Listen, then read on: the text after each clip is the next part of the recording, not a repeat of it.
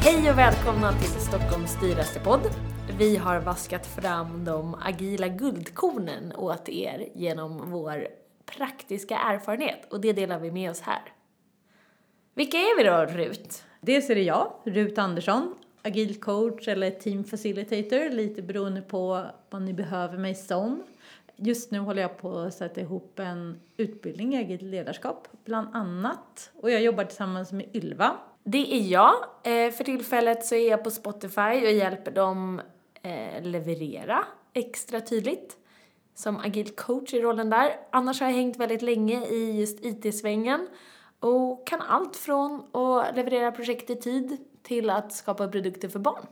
Förra avsnittet då pratade vi om edge-teori när vi spelade in live from London. Just det. Eh, Jag tycker generellt att när man pratar om edge-teori med folk så trillar den på lätt ner. Det är en rätt bra modell att eh, relatera till för många.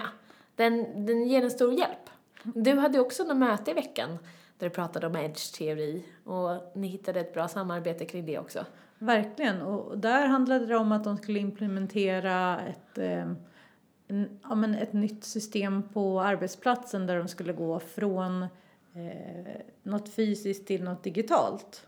Och då hade vi den där fina uppdelningen mellan det primära och sekundära läget. Och eh, vi har ju skrivit ett blogginlägg om det här på vår blogg medium.com forward slash lixor där ni kan läsa mer om edge-teori om ni vill grotta ner er ordentligt.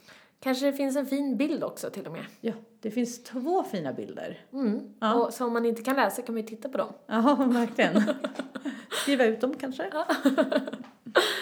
Ja, eh, Och ja, fortsätt skicka in eh, frågor om det är någon vi, ni tycker att vi ska med på podden eller tankar och funderingar som dyk, dykt upp. vad mejlar man då då? Det ska jag berätta. Podden at lixor.se. Då har vi alltså podden med två D, lixor, .se. Dagens tema är 12 veckors plan. Kort bara, när använder vi 12 veckors plan? Typ alltid när vi vill få riktigt bra jobb gjort. Ja, precis. Ehm, Så att vi tänkte att dagens upplägg ser ut som följande. Jag kommer kort förklara eh, de olika punkterna, eller dra igenom de olika punkterna i 12-veckorsplanen. Sen kommer vi göra en djupdykning kring dem och avslutningsvis lite tankar och funderingar kring hur vi kan applicera det här, lärdomar vi har dragit och så vidare. Så, 12-veckorsplanen i korthet. Steg 1. Börja med en vision. Sätt upp dina mål. Eh, koka ner dina to-dos och ta fram mätbarheten i dem. När du är klar med den delen, då kommer vi till steg 2 av 12-veckorsplanen. Då har vi dels weekly check-ins, retros och sen är det dags att fira. Så helt enkelt, steg ett handlar om att planera och steg två handlar om att exekvera. Rut, varför 12 veckor? Det ska jag berätta för dig. Tänk dig när du är på fine dining och de har kokat en rödbeta i två timmar. Då så bara har man, de har kondenserat essensen av en rödbeta eh, så att på den lilla, lilla utrymmet, i det här fallet 12 veckor, så rymmer det in lika mycket du kan göra som på 12 månader. Och en liten bara inflik där, jag förstår att det skvallrar om att jag inte är en fine dining eh, frekventé eftersom jag sa att man hade kokat den i två timmar. Jag menade såklart två år, typ. Och så vid. Precis. Ja. Ja. Okej, men så helt enkelt 12 veckor eh, är en överskådlig tid. Det är Precis. tillräckligt långt för att man ska kunna hinna göra någonting och tillräckligt kort för att man ska ha en känsla för när tiden är slut. Står man i januari så kan man göra sig en bild av hur man kommer vara i mars. Men står man i januari så känns december otroligt långt borta. Man ska hinna med hela påsken och sommaren och allt vad det är däremellan. Precis, och då är det ju ofta det där att folk säger att vi fick mer gjort i december än vad vi har fått under hela vårterminen. Och då är ju det ofta för att eh, då brinner det i rumpan. Precis. Eller i Eh, buskarna. Det brinner. Så Helt enkelt så blir man ju mer produktiv när man vet att man är nära sin deadline. Om man inte blir apatisk, vilket vi då heller inte tipsar om. 12-veckorsplanen kan du använda med fördel i en ledningsgrupp. Och det är så vi kommer använda den idag i poddavsnittet så att ni får en känsla för hur man kan göra så. Det går att använda den på väldigt många andra ställen också när man vill få lite drag under galoscherna. Eh, men idag så tänker vi ledningsgrupp. Det är ju vår, vår setting.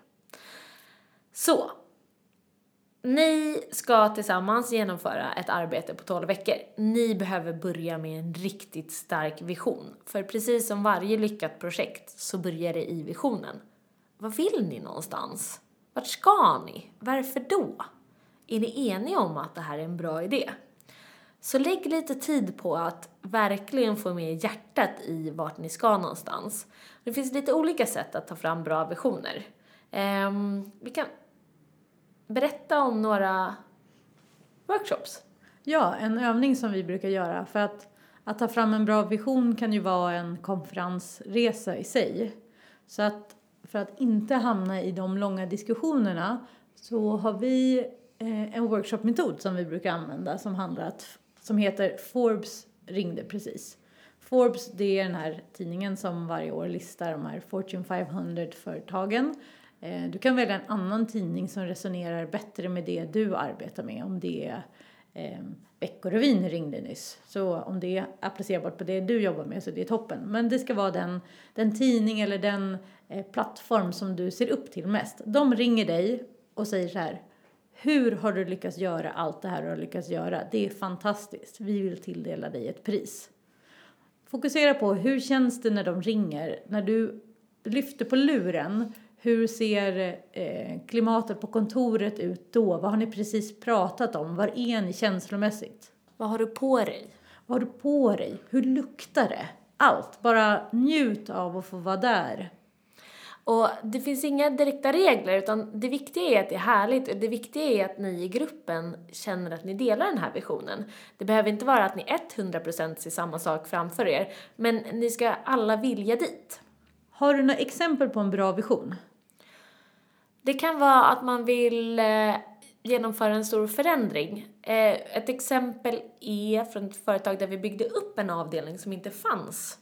Och då hade vi som vision att vi fick ansökningar från folk som ville börja jobba, inte bara genom de rekryteringskonsulter vi använde, utan att utvecklare spontant själva ansökte till avdelningen för att den hade så gott rykte ute på stan.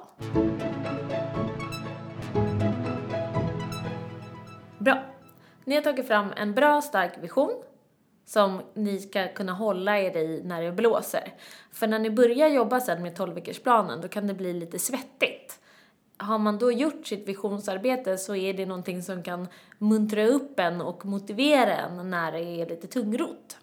Precis, och visualisera gärna den här visionen på något sätt. Om ni målar en gemensam bild, om det är för hippie så kanske några härliga ord i ett word cloud. Vi har förut också pratat om Play-Doh. Det Till kanske är nu man ska ta fram det. Jättebra. Eh, för att det som är fördelen med att ha det visualiserat är, som jag märker när Ylva och jag jobbar med det här tillsammans, är att då kan man alltid peka på den här bilden eller Play-Doh-statyn eller vad det nu är för någonting när tankarna börjar sväva iväg och folk blir, nej men vad ska vi verkligen göra här och leder det här till rätt plats? Eh, jag gör det senast den här veckan så kanske jag gjort det kanske fyra gånger eh, i olika typer av projektsammanhang. Har vi tittat på vår vision nu igen för att hämta kraft och eh, också kunna prioritera. Jättebra. Mm. Så visualisera visionen. Då är vi klara med det. Då är vi klara med steg ett. Nu är vi på steg två, mål. Vad behöver ni göra de här kommande 12 veckorna för att ta er en bit på vägen mot er vision? Målen ska kunna uppfyllas på de här 12 veckorna, så formulera dem väl. Målen ska vara stretchmål. Det, ska bety det betyder att det är lite svårt att uppnå dem, men det är görbart. Ni ska vilja anstränga er för att komma dit. Det gör nämligen också att ni triggar igång den här delen av motivationen hos människan som gör att när det är lite svårt, då är man extra taggad på att försöka få ihop det vi har pratat om den ultimata eh, samlingen mål och kommit fram till att det är tre stycken. Gå inte över fem. Men jag säger stanna vid tre. För får ni ihop tre grymma mål, då ska ni klappa er själva på ryggen. Ja, du och jag satt ju och spånade om vi har varit med i något projekt där man har klarat fler än tre mål och vi kom inte på något. Faktiskt. Eh, just för att när man sitter och planerar så, så vill man ju ha alla de där målen uppfyllda. För det är väldigt lätt nu när man står i början på sin resa. Men när man är där i mitten så är det svårt att hålla fokus om man har för många viktiga saker på gång. Och då kan det hända att man droppar det absolut viktigaste som kanske också är det absolut svåraste och väljer att foka på något lite enklare. Då kommer du inte få de resultaten du vill ha. Har vi några bra exempel på mål? Målen ska vara tydligt formulerade så att vi kan uppnå dem på 12 veckor. Det ska vara siffror och de ska vara mätbara. Och de ska vara positivt formulerade också. Precis, så det ska inte vara saker som ni ska sluta göra utan det ska vara saker som ni ska börja göra. Så exempel på mål är, vi ska anställa en frontendutvecklare, en Node.js-utvecklare och en produktägare som uppfyller våra krav på kompetens och personlighet. Här har man lagt till kompetens och personlighet för att inte kunna fusk, få ihop målet genom att anställa folk som inte är lika bra som man hade hoppats att de skulle kunna vara. Andra mål är öka medarbetardelaktigheten med 20 procentenheter. Det är ju att man behöver göra en startmätning med kanske någon enkät och så gör man en enkät igen efter 12 veckor. Eller ett annat mål är att alla på avdelningen har varit med om någonting, varit delaktig i någonting. Ett annat mål kan ju också vara ett säljmål där man säger att man ska sälja för x antal kronor under en viss månad. Målen kan jag ha tagit fram genom att sitta och brainstorma.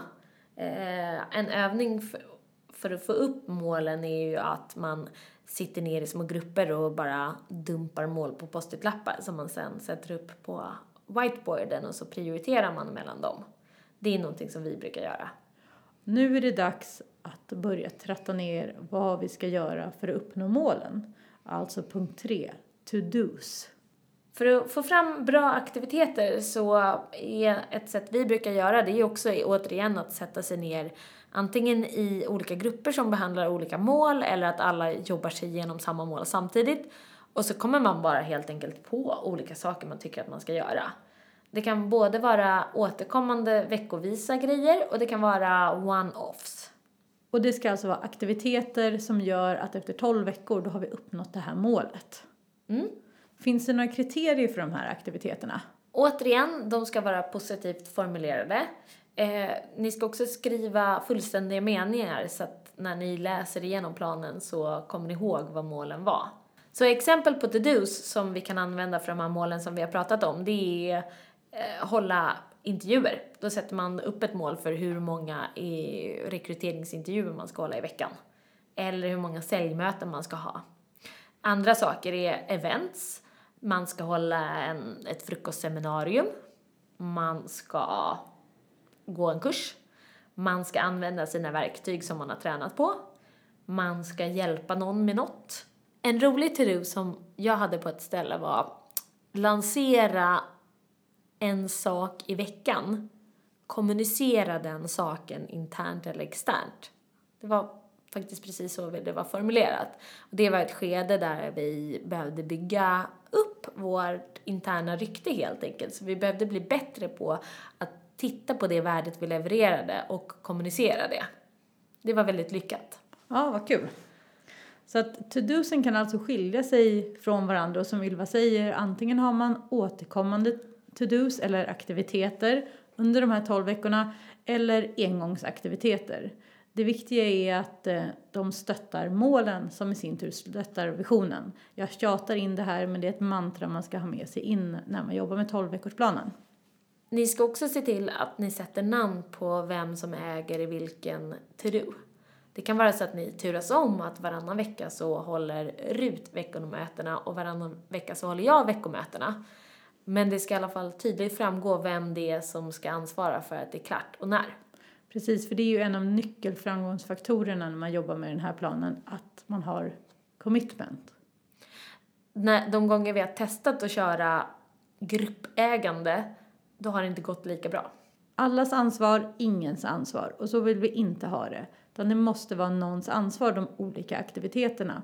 Och eftersom tiden är så pass kort som 12 veckor så har ni inte råd med inom citationstecken att de här aktiviteterna slarvas bort. Vilket är något som kan hända ifall inte någon är tillförräknelig eller accountable för just den aktiviteten. Då så.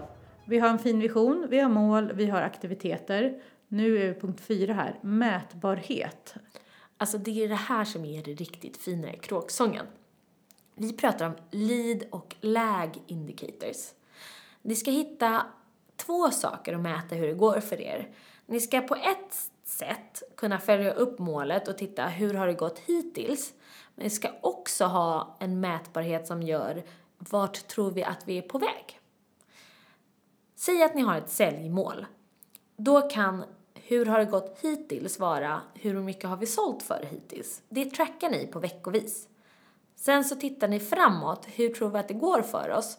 Och då tittar ni på hur många utav veckans to-dos som ni har fått ihop. Har ni fått ihop 85% av de to-dos ni hade förutsatt er att göra den här veckan, då är ni på god väg. Men om ni har färre än 85% då ska ni vara lite oroliga.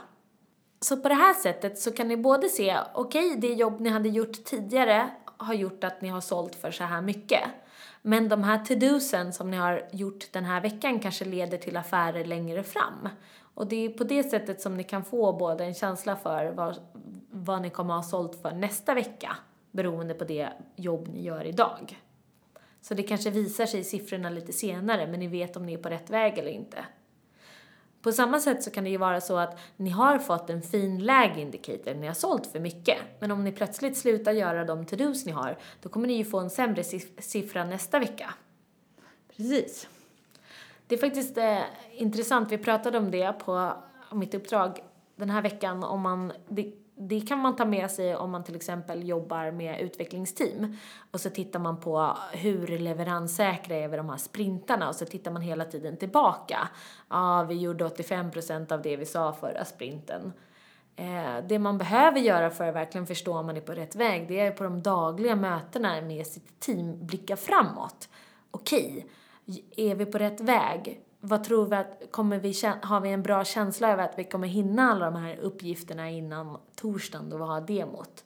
Våga titta framåt också, inte bara på hur det har gått, för det är egentligen för sent då. Någonting som vi kan lägga till kring när du har vision, du har mål, du har to-dos, du har mätbarhet. Vi brukar dra ner det här i ett Google spreadsheet där vi kan eh, tracka som en tidslinje helt enkelt, där man på varje vecka kan titta på vad har vi att göra den här veckan och stämma av förra veckan, vad har man gjort? Det är också lite schysst för där kan vi naturligtvis göra grafer över hur många av ens to-dos man har avklarat en vecka. Man kan också eh, göra fina grafer över försäljningsmål eller antal anställda och sådär. Så att du har hela översikten på ett och samma ställe.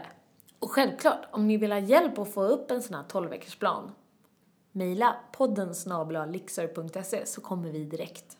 Härligt! Vi har nu rundat av steg ett och klarat av de fyra delmomenten. Nu är vi inne på steg två, när det är dags att kavla upp ärmarna och börja jobba. Det är det här som är det riktigt roliga och det är ju att få börja jobba och testa hur bra man är på att hålla sig till det man säger att man ska göra. Det är en hederssak att göra en bra plan och sen följa den så gott man kan och sen förändra den när man behöver. Men det är viktigt att den är utmanande så att man tar sig någonstans som man inte hade kommit om man inte hade tänkt efter så här noga i förväg. Du vill ju få ut någonting av det här jobbet du har gjort. Nu kör vi steg två. Mm, steg två. Steg två består av tre delmoment. Weekly check-ins, retros och dags att fira. Weekly check-ins. Ylva, hur funkar det? En gång i veckan så ses ni, typ en kvart. Obs! En kvart. Ylva är väldigt noga med tiden. Det är jag också. Men jag har mätt min övre man. Naturligtvis har ni ju inga mobiltelefoner uppe och ni får bara ha en dator och det är den ni har uppe ert spreadsheet på. Och så delar ni det med alla på någon fin skärm så att alla kan titta. Sen traskar ni helt enkelt igenom alla to-dos och räknar av. Okej, mål 1. Hur många utav de här sakerna som vi sa att vi skulle ha gjort den här veckan har vi gjort? Räkna hur många procent completed tasks ni har fått. Mål 2, gör samma sak där. Titta på hur många to-dos ni har klarat av, av hur många ni sa att ni skulle. Och sen för mål 3 också. Sen kikar ni på lägmålen, om ni har sålt för, hur mycket har ni sålt för, hur många har ni anställt och allt det ni vill titta på. Det här med procentantalet, du tog det upp tidigare också, att ligger antalet completed tasks under 80, Fem. 85 procent, då är det en indikator på att eh, ni på sikt inte kommer uppnå det här målet som är satt om 12 veckor. Det är jobbiga siffror. 85 procent kan låta som att så här, nej, men det kan man nalla lite på. Det, men eh, som man säger i byggbranschen, två millimeter i grunden, två meter på taket. Så vill vi inte ha det. Så titta på siffrorna och rikta, använd den datan ni får ut av det och använd eh, make sense of it. Efter att man har gått igenom to-dosen så följer naturligtvis ett samtal kring är vi nöjda med det här? Vad kan vi göra för att siffrorna ska se bättre ut nästa vecka? Hur kan vi hjälpa varandra? Hur kan vi stötta varandra? Gå igenom listan med alla to-dos ni har till nästa vecka. Och sen så räknar ni till tre. Och på tre så visar ni upp antal fingrar som motsvarar troligheten att ni kommer säga yes, jag har gjort allt på nästa veckas möte. Om någon håller upp färre än åtta fingrar så ska ni fråga den personen, okej, okay, hur behöver vi hjälpa dig för att du ska klara av alla dina uppgifter? För det är en indikator på att det är troligt att den personen snubblar på målsnöret. Även om 80% kan låta kraftfullt så är det faktiskt inte det. Vi gör ändå skillnad på de här veckomötena som bara är en kvart och retros som är var tredje vecka. Mm. Var tredje, ibland också var fjärde, det kan du välja för det går ju att dela 12 på både och. De skiljer sig från de weekly check-ins för att de är längre och mer djupgående på hur har det gått hittills och var är vi i förhållande till våra tre slutmål. För det du vill undvika det är att hålla på och förändra din plan varje vecka. Du behöver få lite arbetsro i gruppen också. Så spar eventuella justeringar till de här retromötena som kommer få, få vara lite längre än ett vanligt 15 minuters. Lägg en timme. På retrot så går ni igenom siffrorna i stort och ni har tid att stuva om er plan, lägga till nya to-dos och ta bort gamla eller skyffla om det helt enkelt och spaningar från eh, medlemmarna i teamet. För de vill vi spara till de här eh, längre retrosarna. Synpunkter på eh, processen och hur man jobbar. Men framför allt för att se till att planen reflekterar det jobb ni behöver göra för att uppnå era mål. Det är ju också naturligt så att när ni suttit och gjort den här första draften på planen så var den nog lite tyngre med aktiviteter den första perioden kanske de första tre veckorna. Medan att det har tunnats ut lite längre fram. Och det är helt naturligt. På ett sånt här retro så kan ni lägga till fler aktiviteter längre fram också. Och ni kommer också märka att de här aktiviteterna kommer, en del kommer falla bort och andra kommer komma till under tidens gång. Det viktiga är som sagt att ni alltid har koll på att aktiviteterna ska leda till målen. Så inga fluffaktiviteter, tack. En bra sak som eh, du brukar säga är ju att eh, skriva upp till exempel kolla mejlen är inte godtagbart som en aktivitet. Utan det ska vara formulerat eh, som har svarat på fem mejl. För att, att kolla mejlen är passivt i förhållande till det aktiva har svarat på så och så många mejl. Retrot är inte svårare än så. Det handlar om balansen mellan att eh, få arbetsro och att kunna förändra sig.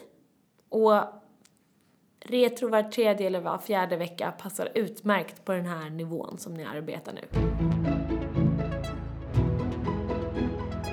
Och nu är det dags för sista punkten, eh, nämligen att fira. Ja! När de här tolv veckorna är slut, då ska ni fira. Just. För ni har högst antagligen uppnått era mål. Ja. Och har ni inte gjort det så fira ändå, för ni har jobbat hårt. Och ni har högst antagligen fått ihop mer än vad ni hade fått ihop utan den här planen. Den kommer att ha varit svettig. Det finns många veckor där ni behöver sitta och säga att ni inte har gjort det ni ska göra och det är ju jobbigt. Och det är därför vi har en sån här plan. Det är ju för att få jobbet gjort. Och det fina med det är att nu har vi svart på vitt vad som inte funkar som gjorde att du inte har gjort det du skulle ha gjort. Så att det är en bra grej att behöva erkänna det och se det i vitögat för det är då vi kan göra justeringarna. Och det är då också man kan ta hjälp av teammedlemmarna som man har runt omkring sig att få hjälp med att förstå vad kan jag göra annorlunda, vad behöver jag hjälp med?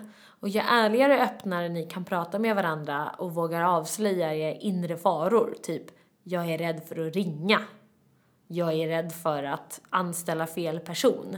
Då börjar ni komma åt det riktigt fina i kråksången där ni kan göra förändring för att få bättre resultat. Då pratar vi också om hållbar och långsiktig förändring med hur ni jobbar i teamet och förhåller er till varandra. Så var inte rädda för att gå djupt och var inte rädda för att det låter larvigt att du inte vågar ringa. För om det är någonting som hindrar er från att nå framåt, det är det faktiskt en allvarlig blocker som ni kan hantera på något sätt. Antingen så får du lära dig att ringa, eller så får någon annan göra det. Får man fira om man inte har uppnått sina mål, Rut?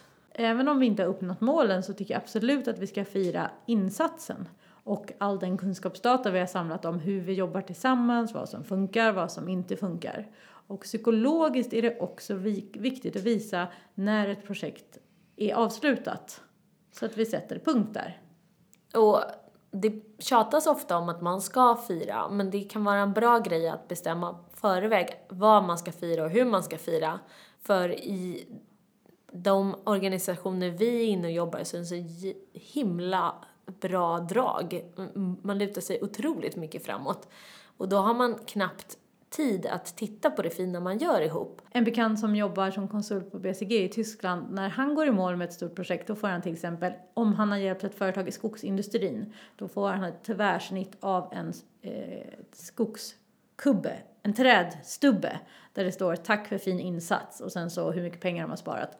Jag säger inte att just trästubbar är något man måste dela ut i parti och minut till sina team, men eh, en fysisk, något, en artefakt, det är väldigt trevligt. Nu har vi guidat er igenom hur vi gör 12 planer. Ett sätt att jobba agilt på en annan nivå än i utvecklingsteam. På ett personligt plan så vill jag säga hur jag, hur jag upplever 12 planen. Det är ju sällan som jag numera får Eh, den stora, det stora nöjet att vara mottagare av 12-veckorsplanen. Ofta står jag på andra sidan när jag kommer in som konsult. Det är när Ylva och jag använder den tillsammans. Så jag kan verkligen vittna om att det blir svettigt det, eh, bitvis det där med att vilka mål ska du ha uppnått eh, när vi bygger vårt företag tillsammans.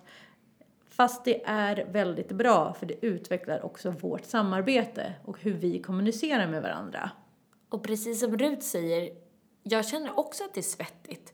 Det är jobbigt att inte va, ha gjort sina uppgifter.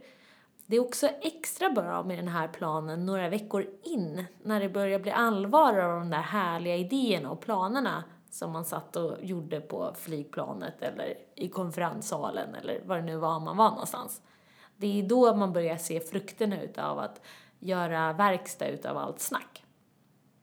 Verkligen, och hålla varandra accountable för det man har sagt att man vill uppnå. Lite tips längs vägen. Om ni ser att ni har svårt att leverera på en utav to-dosarna, titta på hur ni kan hjälpas åt att få det gjort. Ta inte bort to-don eller gör den enklare, utan titta istället på vad behöver ni göra för att få ihop det. Så länge som ni fortfarande håller med om att det är en bra idé att göra det ni har sagt för att uppnå era mål, så ska ni försöka göra det.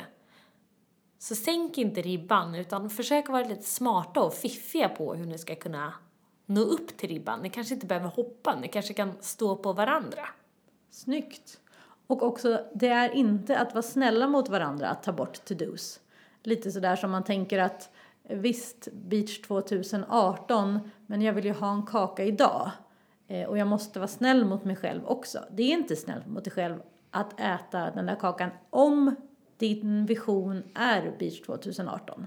Så, hoppas ni eh, vågar testa 12 veckors plan. Och läs om den på vår blogg. medium.com forward slash lixor. Det finns också en bok som vi kan nämna som pratar om just vikten av 12 veckor. Den heter The 12 Week Year, Get More Done in 12 Weeks Than Other Do in 12 Months av Brian P. Moran och Michael Lennington. Vad har vi lärt oss under veckan? Och vad vill vi tipsa om? Under veckan så har jag lärt mig att eh, improvisationskurs inte är fullt lika svettigt att vara med på som att tänka på. Om vi avkryptifierar det där, jag rutan har gått på improkurs, som vi nu kallar det för. Sjukt jobbig tanke, inte fullt lika jobbigt när man väl stod där på golvet. Alltså jag har inte haft en enda, träffat en enda person som jag har berättat att vi ska gå på improvisationsteater för som inte har reagerat med skräck. Alltså vi pratar vitt, vitt ansikte, blottade ögonvitor, öppen mun. Vi har ju pratat i förra avsnittet om edge-beteenden, hur man börjar uppföra sig när man når sin egen edge.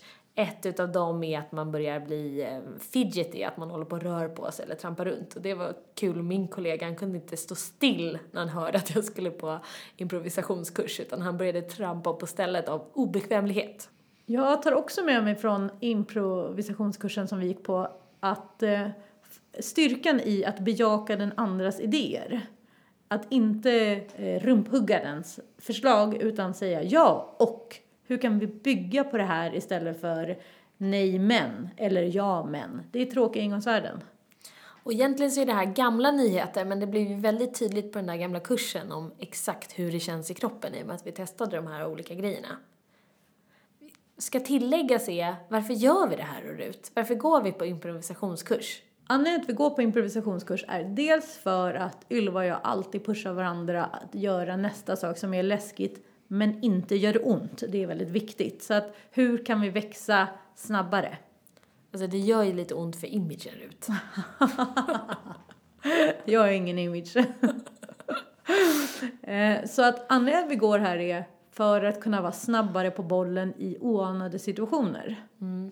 Det är väldigt sant. Det är många gånger som vi eh, håller workshops eller står på scen så att säga, då är det skönt att kunna eh, ta frågor som kommer från eh, teammedlemmarna eller när den andra partnern inte uppför sig som den ska enligt överenskommelse när vi, när vi behöver improvisera helt enkelt, när vi utbildar folk. Och när man vill få, få igång en kreativ process så hjälper det teamet också om man har en ja och yes and-attityd. Eh, det sätter igång det här tillåtande och byggandet mycket snabbare. Så den, det är en viktig energi att komma in med i våra roller.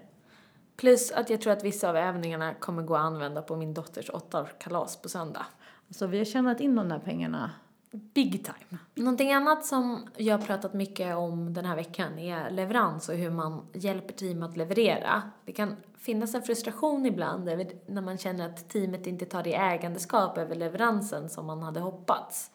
Och ibland så kan man tänka att man har gjort allting som står i boken att man ska göra men ändå så får vi inte ut saker. Och varför, varför är det så?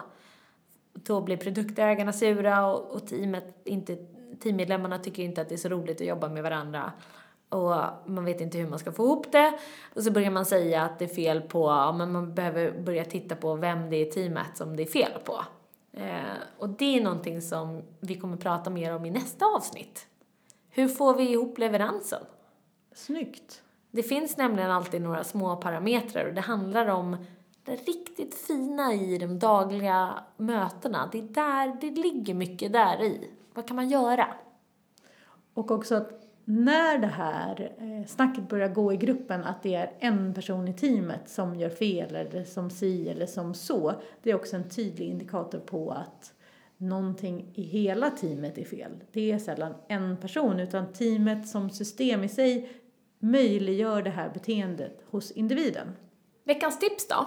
Jag skulle verkligen tipsa om att hålla koll på appekonomin. Jag fick höra av en bekant som eh, jobbar på ett företag som gör appar att betalningsviljan för appar har verkligen gått ner på Apple. Att numera har man ett an, mer Android-inställning till vad appar får kosta. Man vill prova på, det är mer in-app purchase. Och för oss som är iPhone-användare så har ju ah, in-app purchases sett som något lite billigt och något lite fult. Så hur skiftar det ska bli spännande att följa. Hur ska de skifta vårt mindset till att gå från engångsköp till att in-app purchase är mer okej? Okay? Mitt tips den här veckan, det är att fråga folk vad de känner. Du står i en grupp och pratar om någonting. Du ser att eh, någon verkar sned. Säg då så här. Åh, jag känner att energin går ner lite granna. Har ni också märkt det? Vad kan det bero på? Så får ni gruppen att svara på det. Flera gånger så visar det sig att det inte alls var du trodde att det var. Det kan vara någon som sitter och, ja men jag håller på att sälja min lägenhet så jag tänker väldigt mycket på det. Eller, ja jag har svårt att släppa att jag är arg på det här teamet som inte levererar. Ehm, men det är inte dig jag är sur på. Så fråga, och gör det på ett sätt som inte är varför sitter du och är sur? Fråga av ren nyfikenhet och häng inte ut någon utan ha alltid med dig att alla beteenden är eh, en indikation på hur systemet, alltså den här sammansättningen av individer mår. Så fråga öppet, men inkludera alla. Mm. Det går att göra även när folk sitter och nickar. Då kan du säga så här, ja, jag ser att ni nickar, betyder det att ni håller med? Och då får folk säga ja, eller kanske nej. Det kliade bara i nacken. Man vill ju inte hamna i ett läge när man har trott att man har fått ett tydligt ja och så kör man på och sen så var det bara kli i nacken. Det är astrist. Typiskt tråkigt. Typiskt tråkigt. Alltså jag känner mig sjukt peppad inför nästa avsnitt när vi ska prata om leverans. Ja, verkligen. Det är kanske ett av våra favoritämnen. Glädje genom leverans. Om vi hade haft ett heraldiskt vapen då skulle underskriften varit glädje genom leverans. Vi brukar också skoja om att vi får eksem av ineffektivitet. Det kanske var därför den personen nickade, för den hade eksem. Ja, kanske. Det var som vi. Så lyssna gärna på nästa poddavsnitt. Eh, om du inte kan vänta tills dess så gå in på medium.com lixor eller skriv till oss på podden snablalixor.se så kan vi snacka där. Ja, vad härligt. Mm. Tack för idag. Tack för idag. Hej.